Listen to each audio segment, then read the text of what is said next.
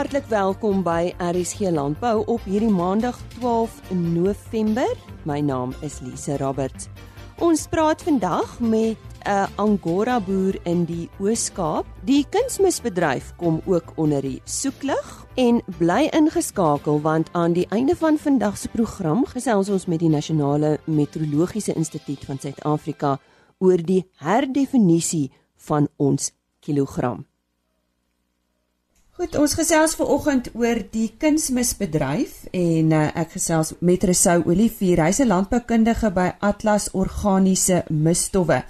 En uh, ons het 'n artikel oor hom gelees in Veeplaas en uh, ja, hy praat ver oggend met ons juis oor hierdie bedryf en hy sê natuurlik hierdie bedryf is nie 'n maklike bedryf om in te werk of vir 'n boer om die regte praktyke toe te pas nie. Resou, verduidelik eers vir ons in in watter areas, watter areas bedien jy? Waar werk jy nou eintlik?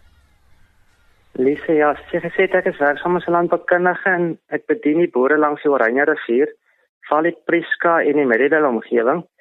Dan werk ek ook met die droëlandboere in die Vrystaat en veral in die Wesbron en die Hoopstad omgewing en daarwanneer is ek ook betrokke in Namibië in die Abanap so met Samadown Rundorakana gebied en ek is ook werksaam in Zambië by die boere in Mukusi gebied.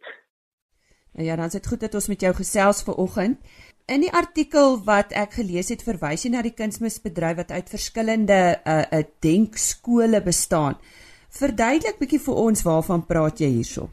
Ja, daar's uh, verskeie landboukundiges in die landboubedryf wat advies gee aan die boere op grond van hulle wetenskaplike agtergrond en ondervinding.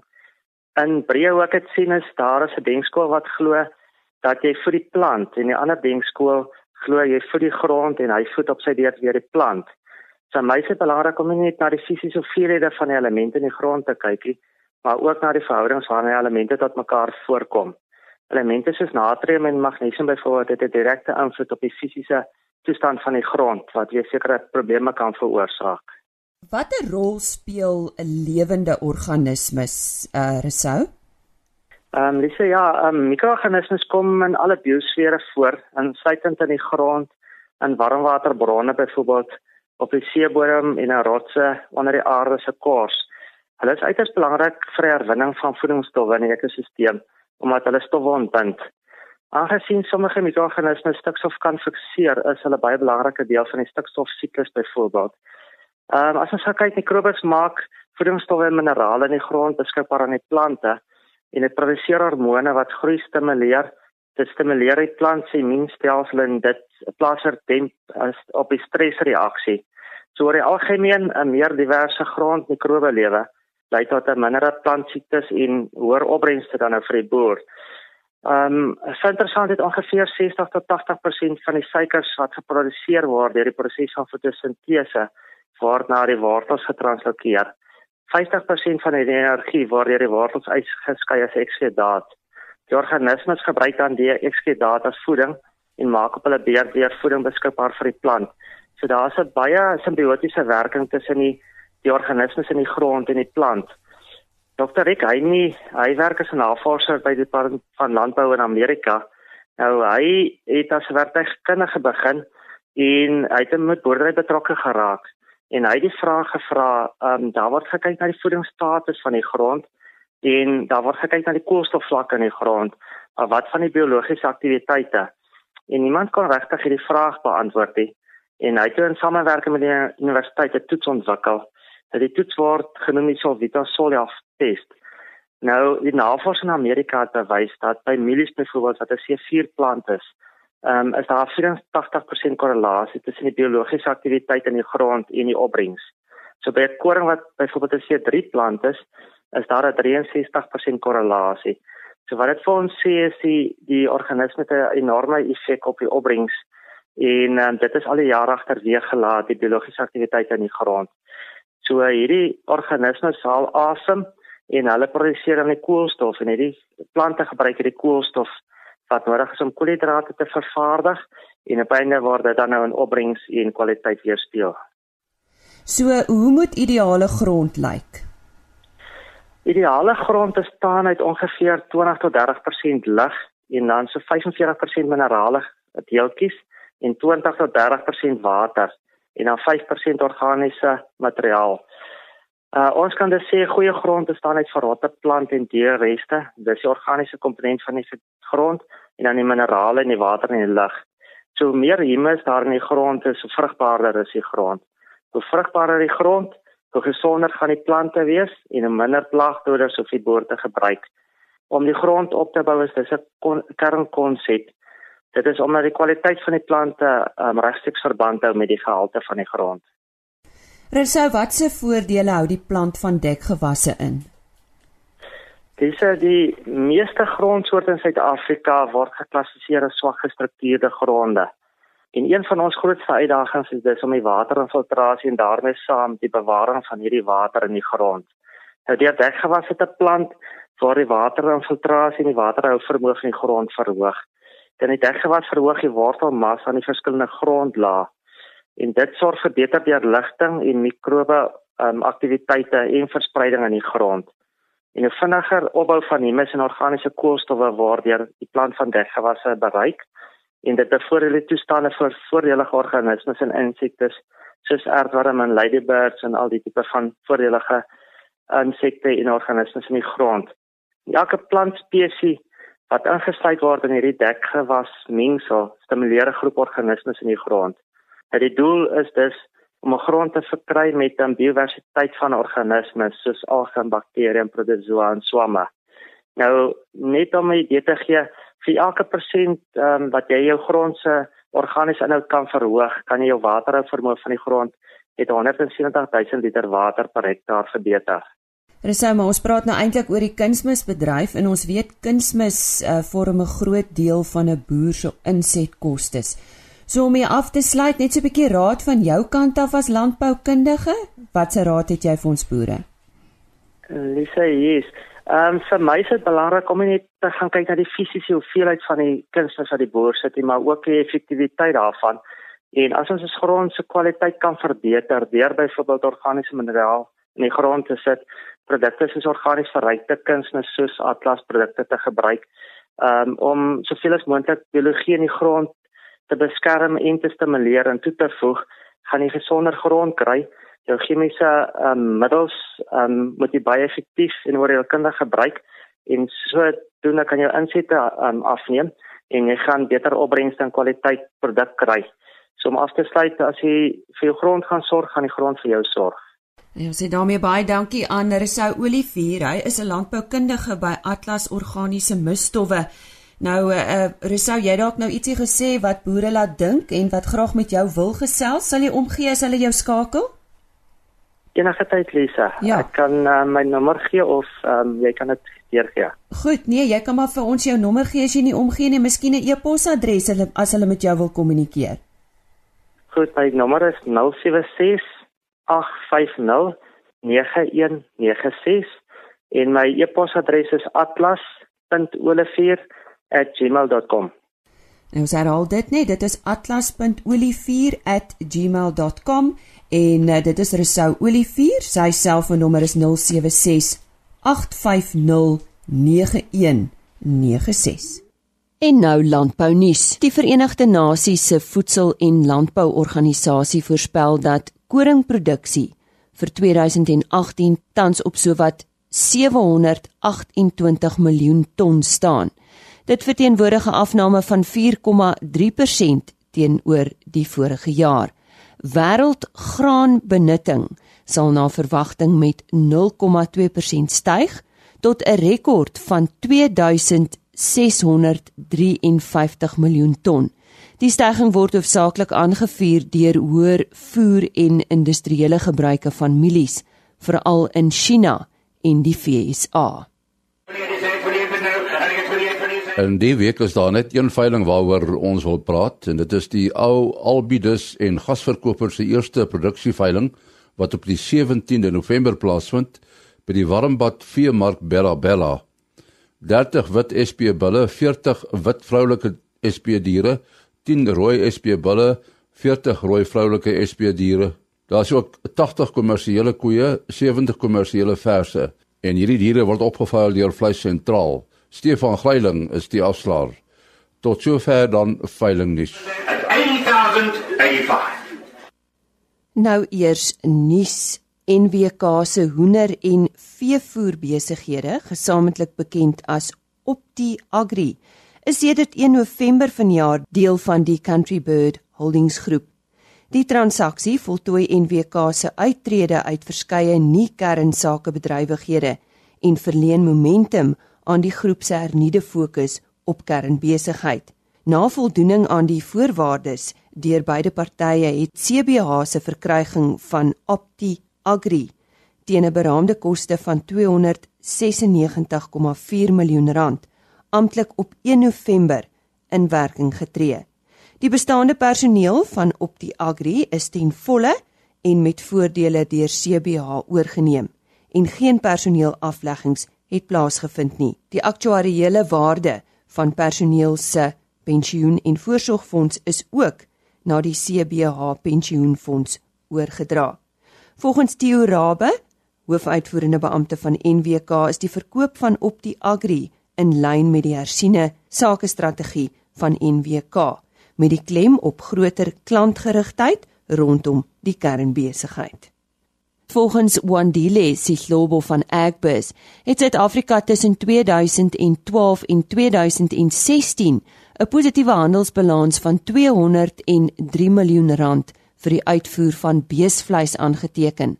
'n Skerp toename in algehele vleisuitvoere is waargeneem.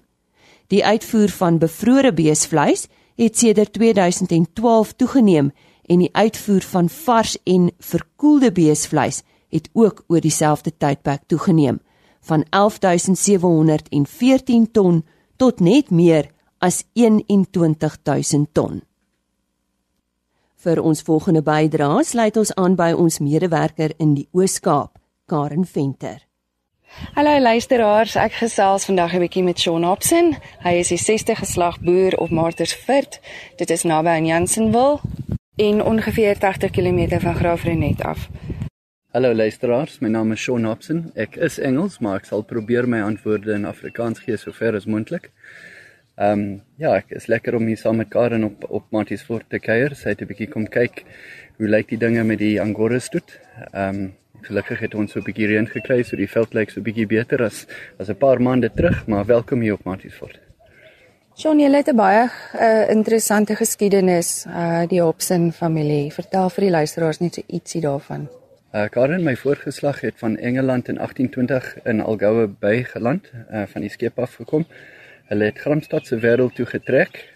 Van daar af in die in die late 1820s het hulle na die Karoo getrek en begin boer in ons omgewing. Daar was die twee broers, is uh, David en William Carey Hobson en uh, die res van die Hobson lyn in Suid-Afrika het van daai twee broers begin. Shaun, en waarmee boer julle presies? Ons boer met Angora seibok, ehm um, merino uh, skape en bonsmara beeste. Maar ons fokus is eintlik op die Angora stoet. Dis ons genetiese genetiese uh, fokus en uh, daarmee is ons meer meeste besig, ek dink ja. En wat maak julle Angora stoet so spesiaal? Uh, Karen, we are the oldest original family owned stud in the country. Die stoet was in 1871 gestig. Ehm um, so ons is amper 150 jaar besig met met Angora steel. Our breeding philosophy on Martisford is very much a middle of the road um uh, idea. We we try and avoid extremes as much as possible. Um, try and avoid chasing trends within the industry. Um, we we try and and focus on consistency. We would like our buyers um, whenever they buy animals from Martisford, be they ewes or rams, to know exactly what they're buying. Um, good commercial animals that offer a lot to a commercial farmer, good fertility, uh, good, well built animals with uh, good style, character, length of hair, with good, good oil. Um, yeah, we just try and offer the commercial farmer as well as a stud, as stud breeders, good, viable animals, something that will add value to their studs or their flocks. Baie dankie vir die geleentheid om saam met julle vandag te gesels, Karen. Ons is baie trots wat ons uh, op Matties Forten met die stoet besig is. Ehm um, as enige iemand my wil kontak of oor die stoet uh, wil gesels, my nommer is 079 0557 en my uh, e-posadres is shaunhobson1@gmail.com S E A N H O B S O N 1 at gmail.com. Thank you so much. Appreciate that.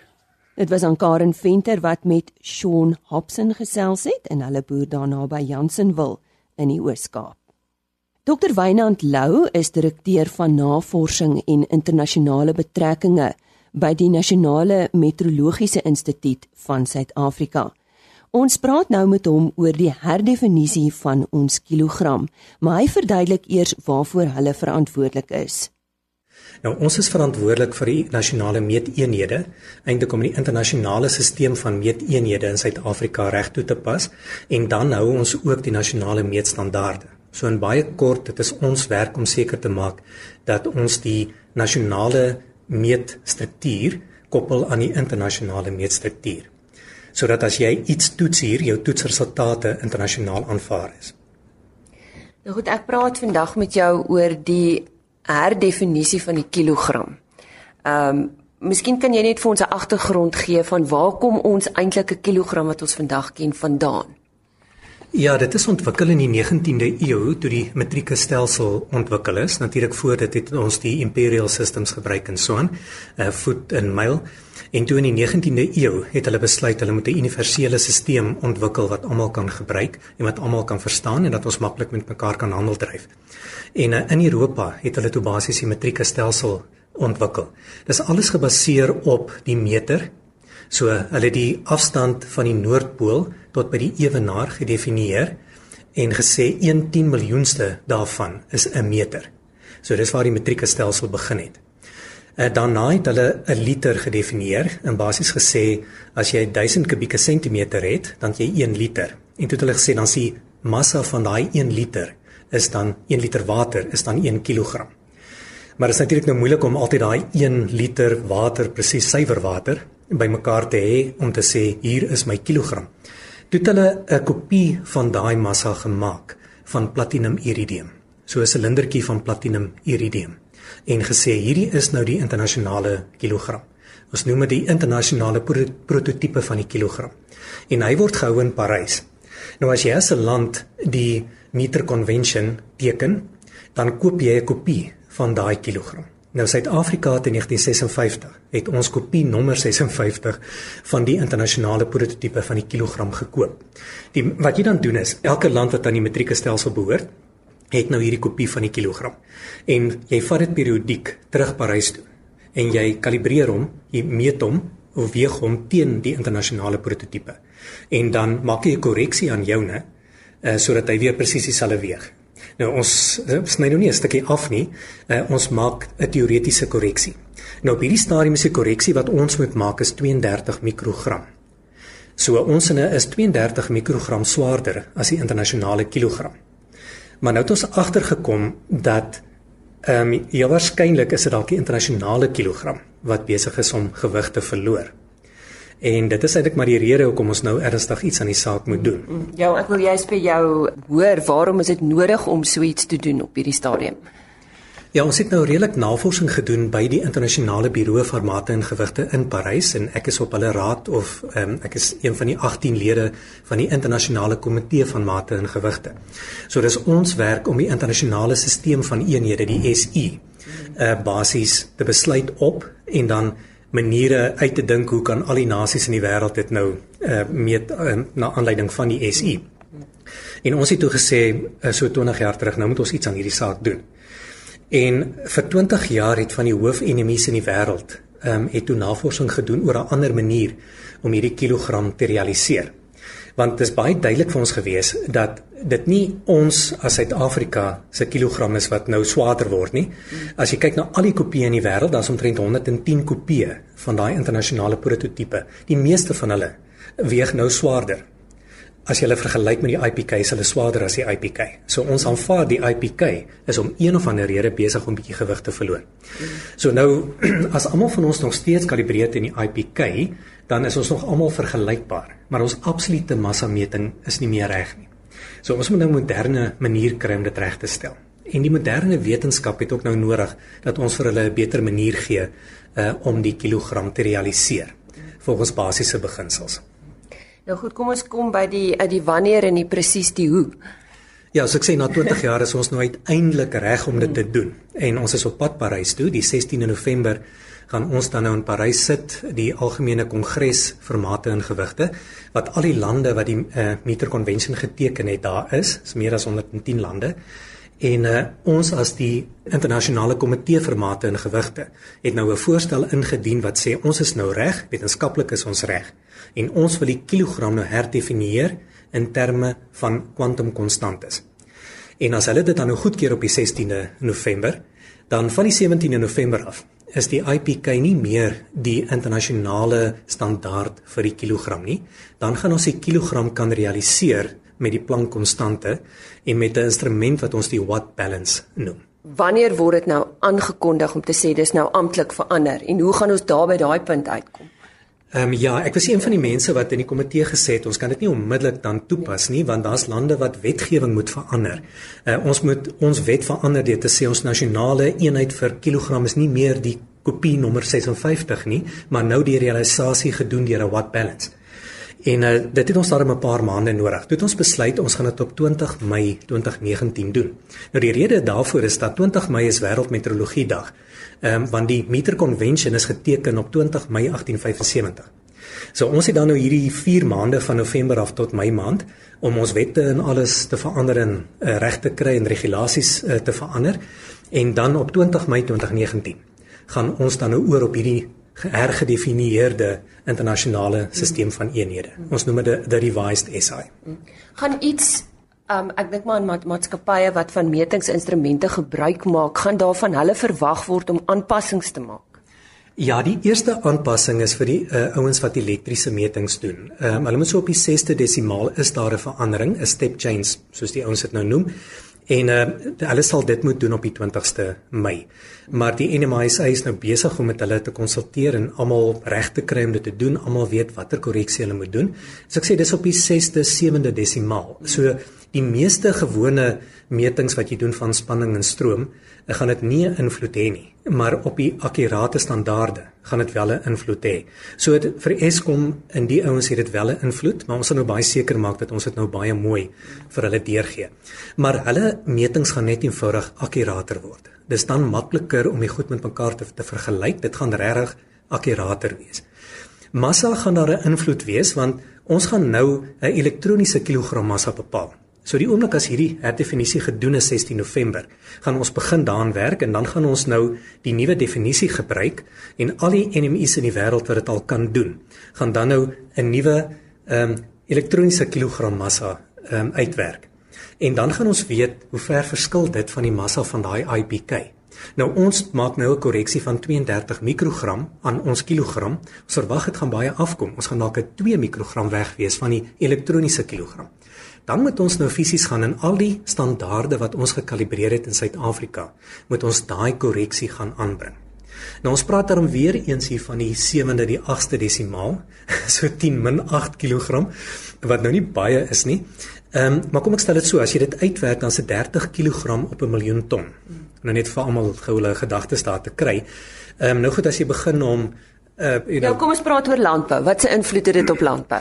Ja, eh, so as jy nou begin handel dryf en jy gaan na die silo toe en jy lewer jou uh mielies en jou koring, ehm um, dan kan jy daarom nou weet as ons nou hierdie hele nuwe stelsel oor so jaar van nou af weer baie mooi in plek het, gaan daai massa meting van jou gaan darm so in die 10 min 9 gebied 30 kg op 'n miljoen ton meer akkuraat wees.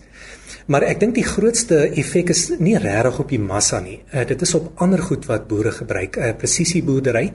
Want um, as jy gaan na baie baie klein massa metings, um, dan raak hierdie effek eintlik baie groter.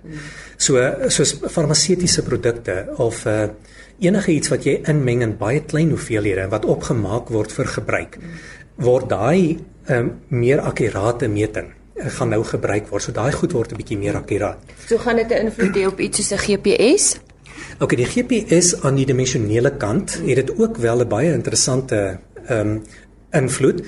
Ehm um, ons het tyd tot nou toe gerealiseer met 'n akkuraatheid van omtrent 1000 nanosekondes. Ehm um, nou as jy dit nou gou na GPS toe gaan, elke ehm um, GPS werk so 'n nanosekonde so 3 meter. So as jy 'n 10 nanosekonde akkuraatheid het, dan is jou akkuraatheid op jou GPS is omtrent 3 meter. Nou ons was omtrent as Suid-Afrika op 300 meter. Ons het nou die laaste 2 jaar in voorbereiding vir hierdie herdefinisie het ons dit afgebring tot 10 nanosekondes van 1000 na 10 toe. So die akkuraatheid in tyd wat ons nou kan verskaf vir GPS het afgekom van 'n 300 meter akkuraatheid na 3 meter uh, akkuraatheid omtrent.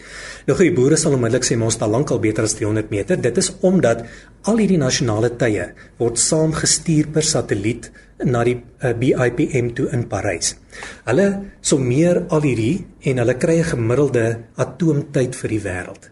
En daai gemiddelde atoomtyd word dan ook weer gebruik om die atoomklokke in die satelliete te kalibreer.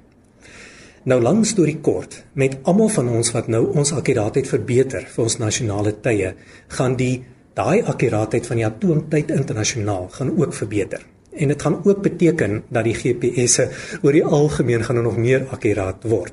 Jy moet net onthou jy moet natuurlik 'n goeie kwaliteit GPS koop. Ehm um, as jy eene koop vir so R2000, dan het jy so 20 mikrosekonde akkuraatheid en dit beteken baie slegte akkuraatheid op meter vlak. As jy nou baie beter koop, dan kom jy af na nanosekonde akkuraatheid, tyd akkuraatheid en dan kom jy na die meter akkuraatheid op 'n GPS. Nou ja, dis 'n gesprek wat ek vroeër gehad het met dokter Wynand Lou.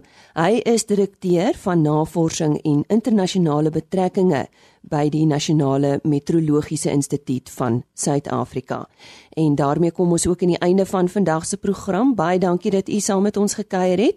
Môreoggend op RSG Landbou gesels ons onder andere oor die One Health of een gesondheid kongres wat onlangs in Kanada plaasgevind het. Ons gesels met dokter Rian Depree. Indien nie van ons onderhoude misgeloop het, onthou u is baie welkom om die gewone RSG webtuiste te raadpleeg. Dit is www.rsg.co.za. Soek net onder potgooi vir RSG landbou. Alternatiefelik kan u www.agriorbit.com rsg.com raadpleeg.